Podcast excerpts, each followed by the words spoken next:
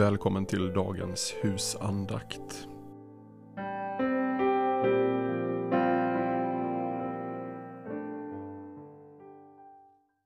Den 3 december. Det finns himmelska kroppar och det finns jordiska kroppar. Men det himmelska har sin särskilda härlighet. Det jordiska har en annan. Första Korintierbrevet 15.40. Det verkar som om aposteln vill säga se vilken oändlig variation och rikedom i Guds skapelse. Om skillnaden är så stor mellan våra jordiska kroppar, hur mycket större ska då inte skillnaden vara mellan det jordiska och det himmelska? Här på jorden finns det träd, stensorter och metaller som inte finns i solen, på månen och stjärnorna. Ja, även mellan dessa himmelska kroppar finns olikheter. Solen har sin glans, månen en glans och stjärnorna en annan. Och stjärna skiljer sig från stjärna i glans. Variationen är oändlig i skapelsen. Du dåre, hur kan du tro att Herren Gud skulle stå rådlös och inte veta vilka kroppar han ska ge oss på uppståndelsens dag? Vilka egenskaper våra nya kroppar än utrustas med kommer de att passa in perfekt i den nya värld vi kommer att leva i och ha de förståndsgåvor som där behövs. Vår nuvarande kropp är skapad med det förstånd och de sinnen som denna värld kräver. På samma sätt är djurens kroppar skapade av Gud med sina instinkter och anpassade till den miljö där de lever. Det gäller fiskar i vattnet, fåglar i luften, djuren på land och maskar i myllan.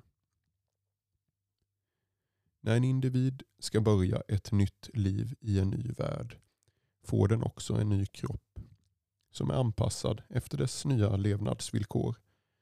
Så är till exempel fallet med silkesmasken. När den inte längre ska krypa runt i mullbärsträdet utan fritt och glatt får flyga omkring i luften då utrustas den med en ny kropp med vingar. Den anpassas för sitt nya liv och för en ny värld. De flesta av oss vet att alla fjärilar som flyger fritt i luften tidigare varit larver som krupit och krälat i jordens doft.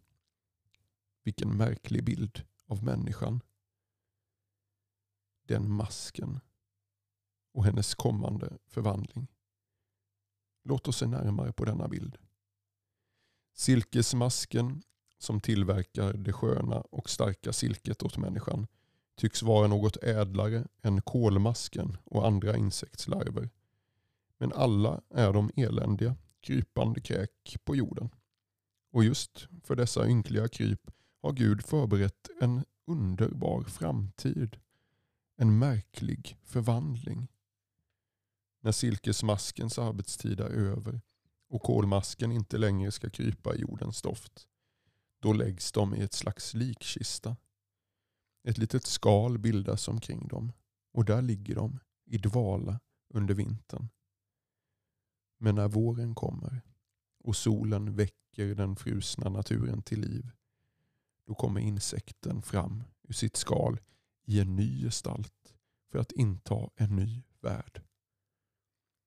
Istället för att nu krypa i jordens stoft eller på kolbladet får den glädja sig åt den vackra naturen. Den ska nu flyga omkring och glädja sig åt solljuset och hämta näring ur de finaste blommor. Den är nu utrustad med sköna, gyllene vingar med vilka den höjer sig över jorden och svävar i luften. Vi kan här känna igen vår fars handlingssätt och ana något av hans tanke och avsikt med oss människor. Här på jorden är vi förnedrade och eländiga men ändå skapade för ett helt annat liv. En mäktig förvandling väntar oss. När vår prövotid är över ska det bli något helt nytt. Vi har här blivit en ande med honom som kom ner från himlen han ska nu ta med oss till en ny värld. Där får vi njuta av det eviga solens ljus.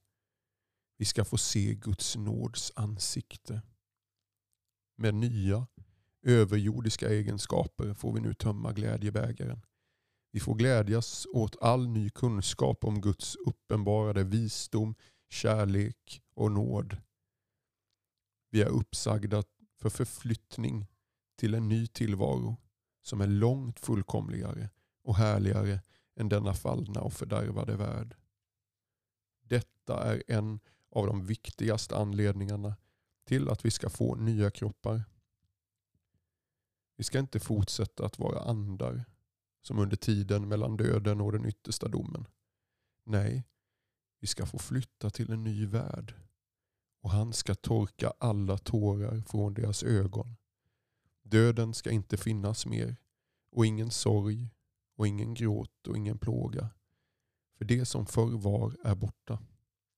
Guds och Lammets tron ska stå i staden och hans tjänare ska tjäna honom. De ska se hans ansikte.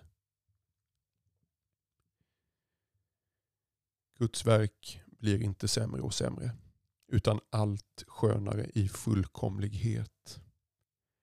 Han ska i denna nya värld verkligen låta sin vishet, trohet och makt träda in på scenen och komma till sin rätt. Det blir ett skådespel långt skönare än någon varit med om i denna onda värld. Det är nödvändigt att ha kroppar med sinnesorgan som är anpassade för att njuta av, fatta och ta emot den fullkomliga kunskap som där ges om vår store skapare. Då ska hans osynliga egenskaper, hans eviga makt och gudomliga natur uppenbaras på rätt sätt. Hans verk kommer att framstå som mycket större och fullkomligare än i den här världen. Vårt barndomshem som så länge har varit fördunklat och förvanskat av synden.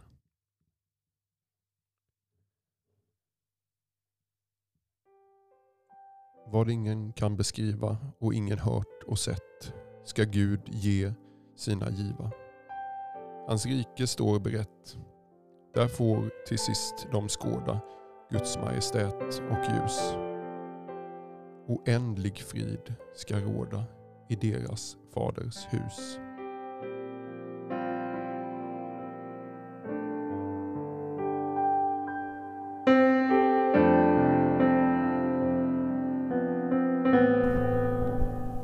Du har lyssnat till Karl-Olof Rosenius husandakt. Betraktelser för varje dag ett helt år. Med mig Jakob Stille som inläsare. Husandaktboken ges ut av BV förlag och kan köpas på www.bvforlag.se